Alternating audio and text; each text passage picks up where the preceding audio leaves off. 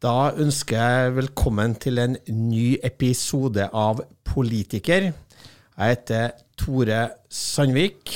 Og jeg heter Amund Vik, og nå er vi i samme rom, Tore. Vi er i samme rom, og vi er i Oslo. Eh, Og jeg kom jo til Oslo, og her er det jo full vinter. Her er det full vinter. Det, I går var dagen hvor eh, samfunnet i Oslo brøt sammen i møte med eh, snø og blest. Det er jo eh, en årlig foretredelse at det går fra å være bart til å ikke være bart. Og samfunnet klarer jo ikke den overgangen eh, smertefritt eh, noen år, egentlig. Så i går var det busskaos og alt mulig rart. Ja, det merka jeg jo. Du eh, er vel forberedt på det som har bodd eh, i store deler av ditt liv i Trøndelag, så du er vel eh, forberedt på sånne værhendelser, du? Det skulle jeg veldig gjerne ønske at, eh, at jeg var. Eh, Vi var jo her eh, forrige gang vi spilte inn en pod i samme rom i Oslo, så satt vi jo her vi nå sitter, faktisk. Og det var jo langt utpå sommeren, egentlig, hvor jeg snakka om at jeg tidligere den dagen hadde vært og skifta fra vinterdekk til, til sommerdekk. Og det hadde jeg gjort fordi jeg, jeg, hadde, jeg, jeg har hatt dekka mine hos en liten lokal bedrift ute på, på Hasle, der hvor jeg bor. Eh, Og han som drev det dekksenteret, han pleide å ringe meg sånn Du, nå nærmer det seg sankthansaften, du burde ikke kanskje vurdert å bytte fra vinterdekk til sommerdekk? Og så har han også pleid å ringe meg og si sånn Er du helt sprø, mann? Liksom, nå er det frost om natta, du må komme og bytte til vinterdekk. Det som har skjedd, er at storkapitalen har gjort sitt inntog i dekkhotellmarkedet. Tilsynelatende han har blitt kjøpt opp av et, eller i hvert fall gått inn i et større partnerskap, denne eh, dekkhotellmannen. Eh, Og der har de en annen inngang til kundeservice, så han har ikke ringt meg.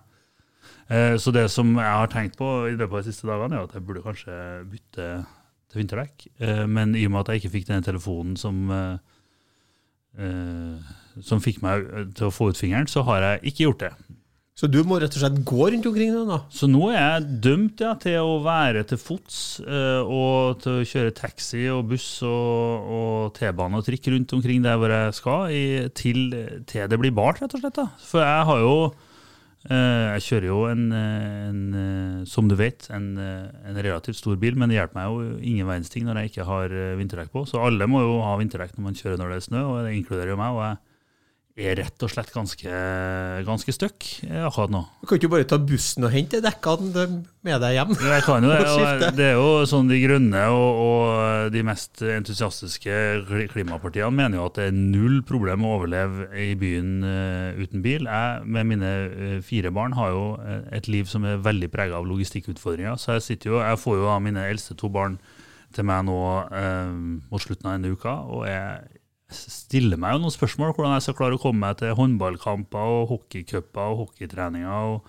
og sånn rundt omkring. Så de, men de er jo NRK Supergenerasjon, så de er jo klar for å, å ta i et tak for klimaet og, og gå og sykle og, og gjøre dette. Men det, det, er, øh, det er krevende. Det som er morsomt, er at jeg jo, som, som du vet, øh, en del Jeg jobber i et globalt selskap hvor det også er folk fra eh, fra Canada og, og andre land eh, nord, i, nord på kloden. Eh, Og i går var det første snøfallet eh, der også for noen av de, så det ble lagt ut sånne bilder om nå er det snø og sånn. Og så skrev jeg jo min litt sånn såre historie om, eh, om dette dekkskiftet, og da kom det heldigvis da for meg flere andre som hadde hatt eh, diskusjoner med sine eh, respektive bedre halvdeler eh, om hvorfor det ikke var bytta til vinterdekk der også. Så det er jo flere, i hvert fall. Som Veldig bra for deg som jobber i et multinasjonalt selskap, og du føler litt sånn globalt fellesskap i dine utfordringer. Men det ser det går hardt for seg. Du sitter her med blå øye. Jeg gjør det, for det har vært eh, Og det skal jeg si, altså i tillegg til dette eh, dekkrelaterte problemene, så har jeg hatt eh, ei stri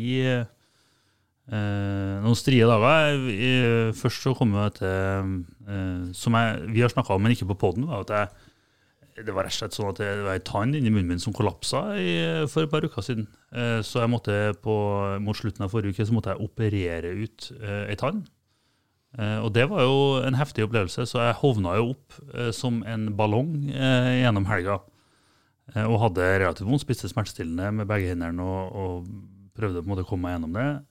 Og så skulle jeg jo skifte bleie på min yngste sønn på, på badegulvet, hvorpå han da tar et godt grep om døra på tørketrommelen og bare smekker meg rett ned, rett og slett. Rett og slett et offer for familievold? Eller? rett og slett det. Så, så nå har jeg hovent kinn og blåøye og går rundt eh, i påvente av at det skal bli mildvær igjen, så at jeg får skifta eh, til vinterdekk på bilen. Så jeg har vært litt eh, sterk sidevind vil jeg si, i livet mitt eh, siste. Ja, det er godt å komme fra, fra sentrale strøk i Trøndelag her ned til provinsen og se at dere har prøvet. Eh, Ja, I Trøndelag er det selvfølgelig fint vær og eh, kaldt og godt og flott høstvær som det pleier å være. Så du kunne bare angre på at du har flytta ned til, til Ja, jeg angrer på det. Men det har skjedd uh, mye uh, siden sist vi prata sammen, og det kommer til å skje mye framover. Det er faktisk sånn at uh, på kloden så er det to milliarder mennesker som skal gå til valg innen sommeren i store land som India, Indonesia. Argentina har vi snakka om, der er det, skal det en ny valgomgang til. Egypt skal Det skal være presidentvalg i Russland. Jeg lurer på hvordan det skulle gå. Eh, Pakistan skal gå til valg, og Mexico skal gå til valg. Så det er store bevegelser i internasjonalt. eh, Og det er jo også valg i Europa. Eh, Nederland skal ha valg. Nederland skal ha valg eh, 22. november. Eh, og det har jo vært et valg, Vi har jo vært innom det her i, i podkasten eh, tidligere, Tore. og det som vi vet, basert på de valgene vi har snakka om, eh, og noen av dem vi ikke har snakka om Vi har jo ikke snakka så mye om New Zealand, f.eks., som, som var et valg nå hvor, hvor de tapte. Jacinda Arden, som er på en måte slags eh, veldig populær, da, i hvert fall i progressive kretser og rundt omkring i Europa, særlig pga. hennes håndtering av den uh, skyteterrorepisoden som var i, eh, var i Christchurch Uh, i, i New Zealand. Og pga. håndteringa av pandemien. Og pga. håndteringen av pandemien. Uh, så hun har jo vært et veldig sånn kjent uh, Sikkert den mest kjente newzealandske statsministeren eh, på, på lang, lang tid. Men henne, hun gikk jo av eh, for å prioritere familie og, og den type ting. Men det partiet, Arbeiderpartiet New Zealand tapte jo valget eh, ganske tydelig nå sist. Eh, og det var jo der, som i mange av de andre valgene vi har snakka om, eh, dyrtid og renteoppgang og økte matvarepriser særlig som, som slo inn, og en sånn opplevelse av at regjeringen ikke hadde levert på sine løfter til vanlige folk eh, i denne perioden. Og et annet trekk som vi ser over hele verden, nemlig eh, at eh, de nødvendige grepene som tas eh, knytta til klima, slår jo også inn med begrensninger og matvarepriser. Men det slår også inn, for de skulle ha en såkalt eh, kuskatt. Altså du, at du skulle betale for metangassutslippet fra, fra kyr. Eh, og det gjorde at opposisjonen opposisjonen begjærlig da når det nærmer seg valget, for det ble opprør blant bønder på New Zealand, som har ganske stor innflytelse på valgene også der, som de har mange plasser i verden. Eh, opprør, så da Opposisjonen eh, foreslo da å utsette de her avgiftene til 2030. Regjeringa tusla etter til 2025. Men det slo også inn i det valget. Og Det har det også gjort, faktisk. Eh, dyrtida og nye krav da, for omstilling slo jo også inn i mellomvalgene i, i Nederland. Ja. Der var det også samme krav. Det var samme krav. eh, Økte kostnader på, på bønder, både på eh, metan, eller altså, promp, eh, som, som det også heter, fra, fra kudrift. Det er jo en diskusjon som har vært til stede og er til stede i norsk klimadebatt også, dette. I tillegg, i Nederland så har jo Nederland har jo et veldig eh, aggressivt eller aktivistisk eh, rettssystem på en del av disse tingene. Så det har også kommet noen kjennelser på, på nitratforurensning eh, fra jordbruket i Nederland, eh, som også legger ned begrensninger på utøvelse av jordbruk, som har blitt veldig veldig politisk kontroversielt, og som eh, har hatt stor påvirkning på, på politikken der. Eh, og det er jo noe vi ser eh, og har snakka om mye òg, at dette eh, så Vi lever jo nå i en tid hvor de klimapolitiske virkemidlene må begynne å bite ganske kraftig, fordi utslippene går jo ikke ned i det samme tempoet som, som man skulle håpe at de skulle gjøre. Vi er begge to dypt bekymra for utslag av klimaendringer, er men vi er òg dypt bekymra for denne spenningen som oppstår mellom eh, si, det automatiske klimavirkemiddelapparatet, som driver kostnadene opp og opp og opp, og den politiske spenningen som skjer på andre sida. Fordi at dels politikere eh, ofte ikke er modige nok til å forklare at det kommer til å være økte kostnader, at det kommer til å, å, å kreve en reell dugnadsinnsats fra alle. Og dels fordi at det er så mange partier som, som hopper av og skaper politisk press på andre sida, enten det er AFD i, i, i Tyskland som sterkt opponerer mot, eh, mot de grønne der, eller det er Torian i, i Storbritannia, eller det er eh, republikanerne i, USA eller rundt omkring over hele verden, så finnes det, eh, og noen vil antageligvis hevde eh, Industripartiet i Norge også, at du får spillere på utsida som, som, på en måte prøver å kapitalisere på de strømningene hvor folk er, er skeptiske til dette. Vi så det jo i Norge også med, med bompengepartiet i 2019-lokalvalget. ikke sant? Og det skaper en, en spenning hvor du har en del av samfunnet som på en måte ruller videre, sånn som dette ESG-fokuset i finansnæringa. ESG, må du forklare. Det er jo eh, miljø- og bærekraftskriterier i finansindustrien, mm. egentlig. Altså er som, hvor går pengene? Så henger litt sammen med eh, disse eh, EU-reglene for eh, taksonomien, som er nok et krevende ord, men som egentlig handler om hva slags regler og hva slags rapportering har du på hvor du putter pengene dine hvis du er en finansiell investor. Og det som, eh, så Jeg jobber jo i, i politisk risikovurderingsbransjen, og det som mange sier til oss, er at man nå opplever en spenning mellom eh, de kravene som gjør seg gjeldende i finansnæringen, og de spenningene som gjør seg gjeldende på, uh, på, politisk nivå. Og at du ender opp i en situasjon hvor du får to tempo. på en måte, sant? At omstillingen går Eh, for sakte til at vi er ferdig med eh, fossil energi eh, på bakken, mens omstillinga i finansnæringa i Europa og, og deler av USA går raskere, som gjør at det er vanskelig å få finansiert den energien som vi trenger mm. på kort og mellomlang sikt. Så du får sånne spenninger hele tida som skaper Som driver energiprisene opp. Driver energiprisene opp og skaper risikosituasjoner. Og Det er jo på en måte et tema for en, en, en annen pod, men en, av konsekvensene av dette er jo at den globale oljeprisen overtar litt av rollen til en en global pris på, på CO2, egentlig, fordi det underinvesteres i, i nye ressurser um, her og der. Ja, og da vil jeg si at Det her slår også inn selvfølgelig i, i matpriser. fordi Én ting er at energi også direkte er forbundet med kunstgjødsel. og vi mm. må for å fø eh, verdens befolkning så må vi ha kunstgjødsel. Uten kunstgjødsel så klarer man bare å fø 40 av verdens befolkning. Og når, når, gassprisen blir høy, så slår den inn kunstgjødselprisen, og så stenger mange også fabrikkene sine. Og så blir det mangel på kunstgjødsel, så går prisen opp. Det har norske bønder opplevd, og mange andre land som ikke har kjøpekraft, opplever jo at det ikke blir tilgang til kunstgjødsel. Og når det er bortfall fra, av korn fra Ukraina-krisen, eh, så får du også et problem. Og når du har El Niño som er i gang, altså det værfenomenet, så går det også utover avlinga. Og det er sånn at i India så er det også bekymringer foran valget nå fra de styrende partiene for at matvareprisene går i været. De har innført eksportrestriksjoner på ris. Mm. India er verdens største riseksportør, som da skaper problemer i markedene. Og faktisk også mangel på løk og tomater. Eh, så det driver jo også opp prisene, og det er en viktig del av kostholdet. Mm. Så matvareprisene slår også inn i valgene både i India, i Argentina, i Egypt, eh, mm. og kommer til å gjøre det også i Mexico. Eh, og vi så det jo også sånn som når det slår inn også da i, i Polen, der mm. det var et tema. Nå tapte jo heldigvis Lov Orden-partiet valget, men de appellerte jo veldig sterkt mm. til, eh, til bøndene i Polen. Eh, fordi at de var misfornøyd med at det kom billig korn inn fra Ukraina, fordi at de kan ikke lenger skipes ut gjennom Svartehavet, for der er det krig. Mm. Eh, og så eh, stoppa de da både våpeneksporten til Polen og skulle stoppe importen av korn nei, eh, til Ukraina og importen av korn. Eh, og de gjorde det jo skarpt blant bøndene, men da det var stort sett byene og de liberalt mm. innstilte, da, de som ønsker demokrati i Polen, som, som, likevel vant valget. Heldigvis, vil jeg si. Men det kommer til å prege dyrtida. Matvarepriser kommer til å, prege valg framover. Og også restriksjoner i økonomien og på, og mm. på lommeboka til folk, eh, dyrtid, knytta til klimaendringer. Nødvendige grep for, klima, eh, for å løse klimaendringene.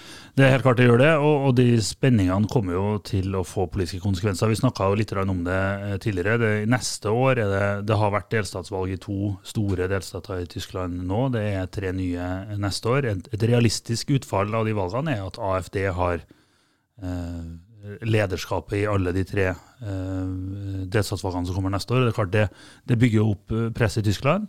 Og det skjer også, sånn som i Canada nå i går og dagen før, så har de har regjeringen der vanna ut denne cap and trade-policyen der for å, for å, ta noe av, av trykket ut. Mm.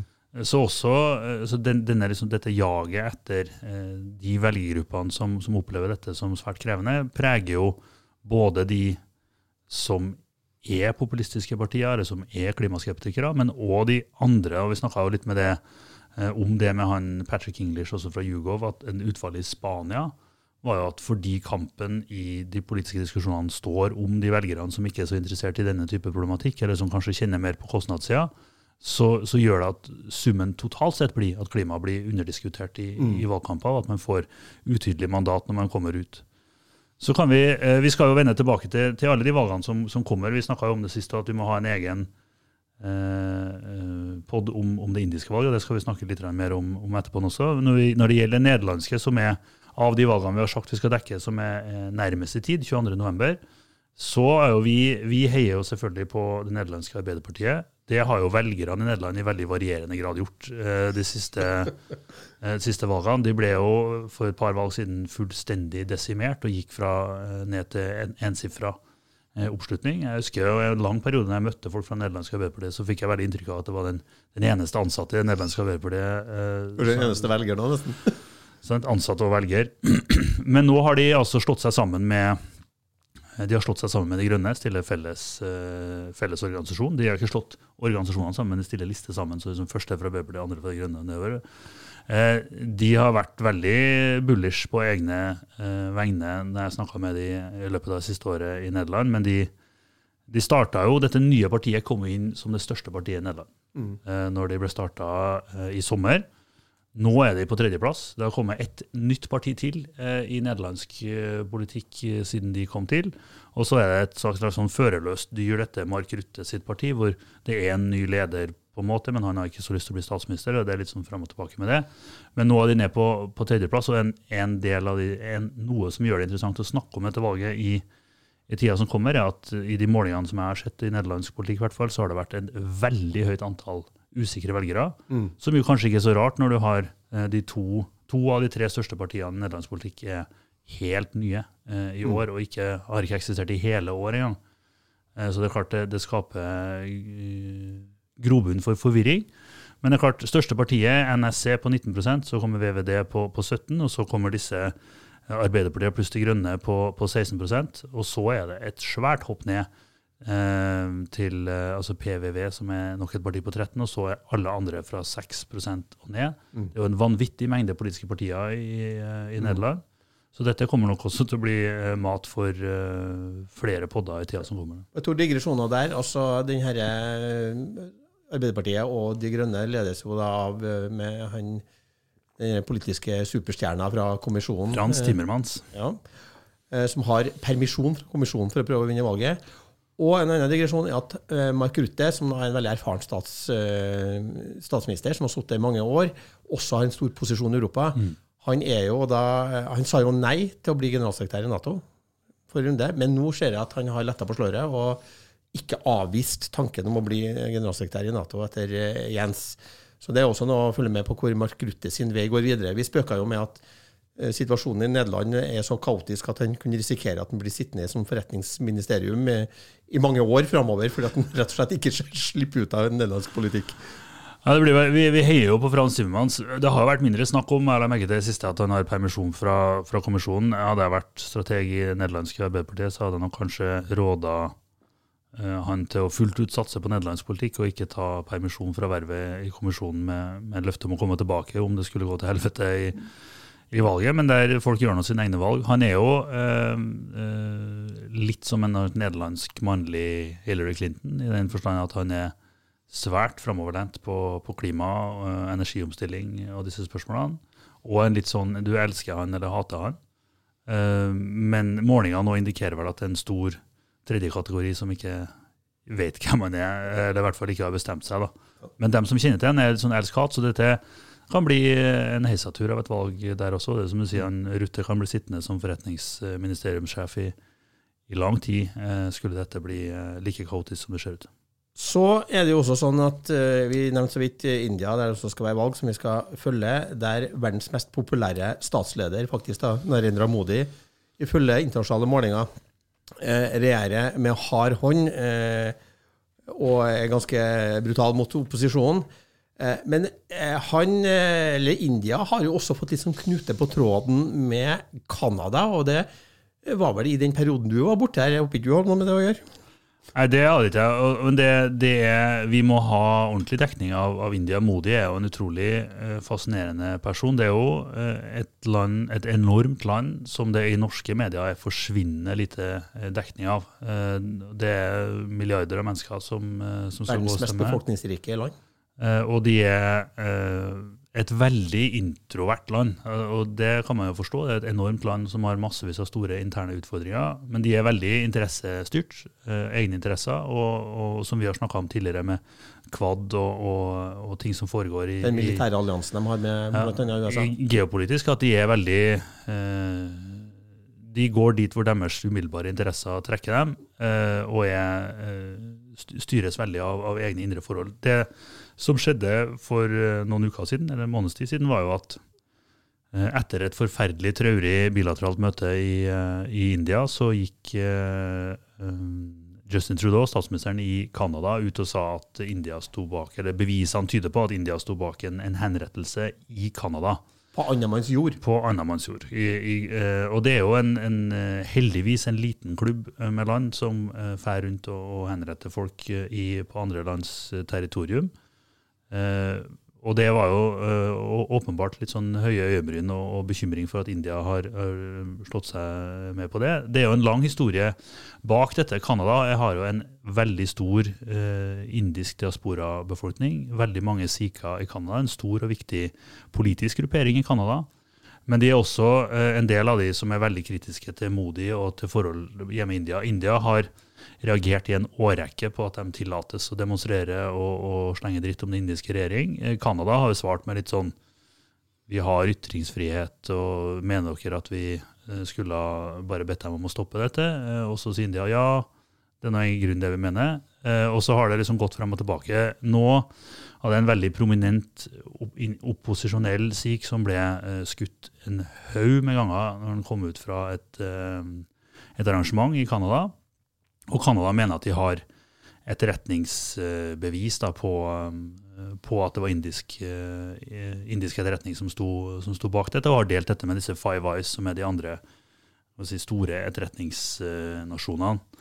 India avviser det jo flatt og mener, altså, og bare benekter det. Så tror jeg nok at alle parter her hadde ønska en mer sånn gemyttlig tone om dette. Eh, og det har vært mye diskusjon her, sett her og der om liksom, hvorfor i alle dager ble dette tatt i, offentligheten. og alt dette, Men eh, realiteten er jo at dette lå jo som en del av eh, saksgrunnlaget i drapssaken mot denne eh, sikhen, og hadde jo kommet til å komme ut eh, for offentligheten eh, åkke som. Eh, og Derfor så tok Trudeau det ut. Men det er en kjempedårlig stemning mellom India og, Canada nå, og får konsekvenser for et om enn begrensa, men som et forholdsvis viktig økonomisk uh, område. Men det er jo nok en ting da, som, som, veier på en internasjonal orden som er under betydelig press. Og det er jo ingen av oss som ønsker en verden hvor det kommer flere land i denne klubben av folk som henretter folk på eh, klubben av land som henretter folk rundt omkring på andre territorium. Mm. Så jo, Apropos det som du sier om at det er mange kriser. Det er jo en verden som dessverre er litt på bristepunktet nå av konflikter som er vanskelig å håndtere. Eh, Midtøsten har vi jo snakka om. Der er det jo forferdelig det som skjer i, i Gaza. Det øker jo også spenninga rundt omkring og usikkerheten knytta til faren for terroraksjoner rundt omkring. Eh, det er en humanitær krise som nesten mangler sidestykke. Eh, etter en helt fryktelig terrordåd fra Hamas på den sida, og det er en debatt som er veldig polarisert rundt omkring. Faren er jo at den sprer seg, den konflikten sprer seg. og Det sies jo at USA nå driver veldig hardt diplomati for å prøve å unngå at konflikten sprer seg, og at hele Midtøsten tar fyr med alle aktører som er der, ikke minst Iran, eh, som da finansierer Hizbollah da, med sete i Libanon veldig tungt, som har stor kampkraft. Eh, samtidig så har du, eh, og det har jo nesten forsvunnet fra nyhetsbildet, eh, Ukraina. Der krigen fortsatt er fryktelig, og det er en viss framgang på slagmarka for Ukraina. Men Putin og co. har bitt seg fast. Og det er også sånn at man frykter at hvis disse konfliktene øker, så benytter da Kina anledninga til å ta seg til rette i Taiwan. Der er det valg på nyåret, og utfallet av det, og hvem som vinner, og hvordan polemikken og retorikken mot Kina følger man jo med argusøyne. Og det skjer jo i en situasjon der også alt det andre vi starta å snakke om, matvarekrise, dyrtid, energitrøbbel, er i miksen. Så det er jo en verden som er helt på balansepunktet nå. Så det er jo å håpe på at det er utstrakt diplomati på bakrommene som ikke vi vet om i offentligheten, som nå jobber intenst med å finne løsninger for å få tatt ned temperaturen.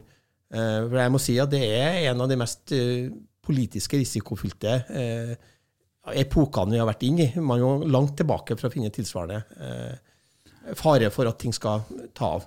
Ja, virkelig. Og ser jo, altså, vi må jo få noen gjester inn hit på podkasten for å snakke om konsekvensene og utviklinga i, Midtøsten av dette. Men det er klart det, Noe å følge med på er jo også utviklinga på Vestbredden. Altså Én ting er jo Gaza, hvor eh, Hamas har hatt kontroll, og hvor det har vært elendighet veldig lenge. Men du ser jo også nå at temperaturen stiger ganske voldsomt på Vestbredden, hvor, folk, hvor si, ordenen begynner å, å bryte sammen. Eh, og jeg tror jo at uh, dette Det er jo en, en tragi... Både Hamas sin udåd, men også det som foregår nå i Gaza, kommer jo til å, å være noe vi bærer med oss i lang, lang tid, og som også kommer til å føre til uh, radikalisering og terror og, og ufred i en mye større del av verden enn bare, enn bare Midtøsten. Mm. Men det er jo som du sier, umiddelbare eskaleringsfaren ligger jo i Iran og i, og i, nærområdene, og hva slags konsekvenser det kan ha. Men jeg tror vi må, i hvert fall ikke undervurdere hvor store konsekvensene potensielt kan være også for, for terror og anslag rundt omkring eh, ellers i, i, verden. Men det, det er som du sier, det, vi lever i en tid hvor politisk risiko eh, er enorm, eh, og hvor eh, nedsida ved å gjøre feil er stor. Det er jo mye som tyder på at uh, USA og Kina har jo tilsynelatende nå Eh, begge land egentlig sagt til sine folk at nå må det være et gulv på dette, så forholdet kan ikke gå liksom under frysepunktet. Og Du ser det gjenopptatt noe diplomatisk kontakt her og der, og uh, det er klimadiskusjoner og andre ting som, som foregår, sånn at det ikke fullstendig kollapser. Det skyldes jo det amerikanske valget, og at ingen ønsker å, å, gjøre ting framfor det. Men det er jo eh, du, jeg ser, du har jo delt eh, på internettet, for dem som er interessert i, i det, som alle bør være, en tekst som du skrev i forbindelse med 60-årsjubileet eh, i fjor, eh, på 60 år siden Cuba-krisa, hvor det også var ekstreme spenninger i, i verden, eh, og hvor det var enkelt altså, Det kom jo på en måte ned til enkeltbeslutninger som, fra enkeltpersoner som hindra at dette spora fullstendig av.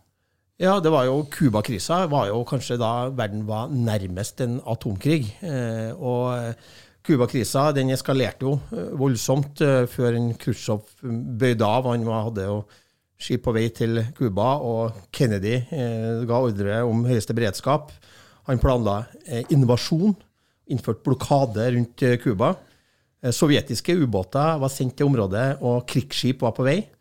Avskrekkinga fra begge sider brakte ikke bare verden til randen av atomkrig, men det ga også grunnlaget for å forhandle fram en løsning i tolvte time. Og da var det jo diplomatiske forbindelser mellom USA og Sovjetunionen den gang. Vi vet at eh, eh, Robert Kennedy eh, spilte jo en nøkkelrolle i og med at han kunne prate da med høyeste nivå eh, i Sovjet, som forsto at da snakka de også med presidenten. Eh, det har jo senere frigjort da, eh, opptak fra Det hvite hus som viser hvor, hvor aktivt det var, og hvor på, på randen det her var. Men det var jo sånn at amerikanske ubåtjegere de lokaliserte jo de sovjetiske ubåtene og slapp undervannsbomber for å signalisere at de måtte komme opp. Og det disse ubåtene i Sargassohavet, hvor det var varmt, eh, det var de ikke bygd for. Eh, de hadde ikke noe kontakt med hjemlandet. Eh, og ubåtkapteinene og offiserene var usikre på statusen om amerikanerne bomba dem for å senke dem eller for å få dem til overflata. De visste heller ikke om det var brutt ut krig. altså De var uvitende om det. Og med lite batteri og høy temperatur da, eh, i ubåten og mangla oversikt, så bestemte kapteinen seg for å lade med atomvåpen. Eh, og for å endelig beslutte utskyting så var det krav om at tre offiserer måtte godkjenne. To offiserer sa ja. Eh, og det her var faktisk opplysninger som ikke var kjent før nærmere 2000-tallet. Det var hemmelig. Men den tredje, da, Vasilij Arkipov, som var nestkommanderende på den angjeldende ubåten, B-59, men samtidig var sjef for flåta, som var sendt over, han sa da nei. Han sa at vi kan ikke gjøre det. Og hvis han hadde sagt ja, og det ville ha gått atomvåpen fra den ubåten mot USA, så ville jo gjengjeldelsesdoktrinen ha slått til med en gang, og verden ville ha vært inne i et Armageddon uten sidestykke. Og da hvilte det altså på han er Vasilij Arkipov den gangen. Så man må jo bare håpe på at du har et tilsvarende diplomati som ble på undersida der, kommunikasjon mellom atommaktene, og da USA og Sovjetunionen den gangen, og at det finnes sånne helter som han derre Arkipov til stede som greier å holde hodet kaldt, da, sjøl om det bokstavelig talt var veldig varmt nedi dypet der. Eh, når det, verden nå igjen kommer på bristepunktet. Det har jo vært bekymringer for at man ikke har den samme dialogen mellom Kina og USA, men mye tyder jo på nå at man er i ferd med å etablere det gulvet som det snakker om. Eh, men det gjelder jo også da, for å holde i sjakk han gærningen i, i, Russland, men også mange andre steder. Og Jeg så her om dagen at noen prisa seg lykkelig for at eh, Iran ikke har atomvåpen. Mm. For hvordan det her skulle eskalere, var jo også det som var, var mye av bekymringa knytta til akkurat det. Så vi er nå i en balanse i verden som gjør at uh, vi får håpe på utstrakt diplomati. Jeg er glad for at Norge har tatt en tydelig rolle uh, også nå uh, knytta til Midtøsten, selv om det er krevende i en polarisert stor politisk debatt. Men jeg tror vi skal følge med på mye av det som foregår framover, og at man manøvrerer også da klokt mange plasser. Jeg tror det er viktig nå at moderate stemmer og Eh, og, og talspersoner da, eh, kommer til, til syne framover. Ja, det tror jeg absolutt. Jeg tror eh, det er jo en skremmende analogi, og jeg anbefaler jo alle å, lese teksten som du har lagt ut uh, igjen i år, på 61-årsjubileet uh, om den krisa. Og så er jo en av de tingene som gjør at den politiske risikoen er så høy, er jo at det har gått fra å være en, en bilateral uh, verden under den kalde krigen til en unilateral verden, altså veldig tyngdepunkt på USA Eh, etter den kalde krigen, til å være nå en situasjon hvor det, det, er så mange spillere, eh, og det er egentlig ingen avklarte tyngdepunkt, selv om man kan mene at USA fortsatt er militært og økonomisk overlegen, og det, det, er det jo eh, fortsatt til en viss grad, men det er likevel så mange regionale tyngdepunkter i dette. Du har India, du har Kina, du har Russland og konflikter som dukker opp rundt omkring, som gjør at det diplomatiske landskapet er mye mer uoversiktlig, og risikoen dermed er større for at noen gjør en eller annen katastrofal uh, feil, enten i, i, liten skala eller i, eller i stor skala. Så dette blir, det blir spennende å følge. Uh, denne podkasten uh, kommer selvfølgelig til å, å dekke hendelser rundt omkring i verden med argusøyne. Vi har flere spennende gjester lina opp i tida som kommer, både på teknologi, på valg rundt omkring i Europa, på den store eh, norske diskusjonen om det amerikanske valget må jo selvfølgelig vi også eh, melde oss inn i. Så her er det bare å trykke abonner eh, der hvor du lytter til eh, podkast. Gi oss gjerne en eh, anbefaling. Det hjelper oss å nå opp i, i den store eh, podkastkampen. Og ellers anbefale oss til, til, venner og kjente og dem du måtte møte. Det er helt riktig. Den oppfordringa følger vi. Og så skal vi si at det, Sist podkast vi spilte inn, så var det jo fortsatt uklart om det var mulig å få en Speaker of the House. Det ble til slutt han Mike Johnson, så nå har de i hvert fall det på plass. Så det er litt stabilt i USA framover, eh, og vi skal følge det valget nøye eh, mellom en veldig gammel president og en veldig gal eh, presidentkandidat. Yes, oppgjør på geriatrisk avdeling i amerikansk politikk. Så det, det skal vi følge nærmere. Trykk liker, gjerne abonner, og spre budskapet. Så sier vi takk for i dag. Takk for i dag.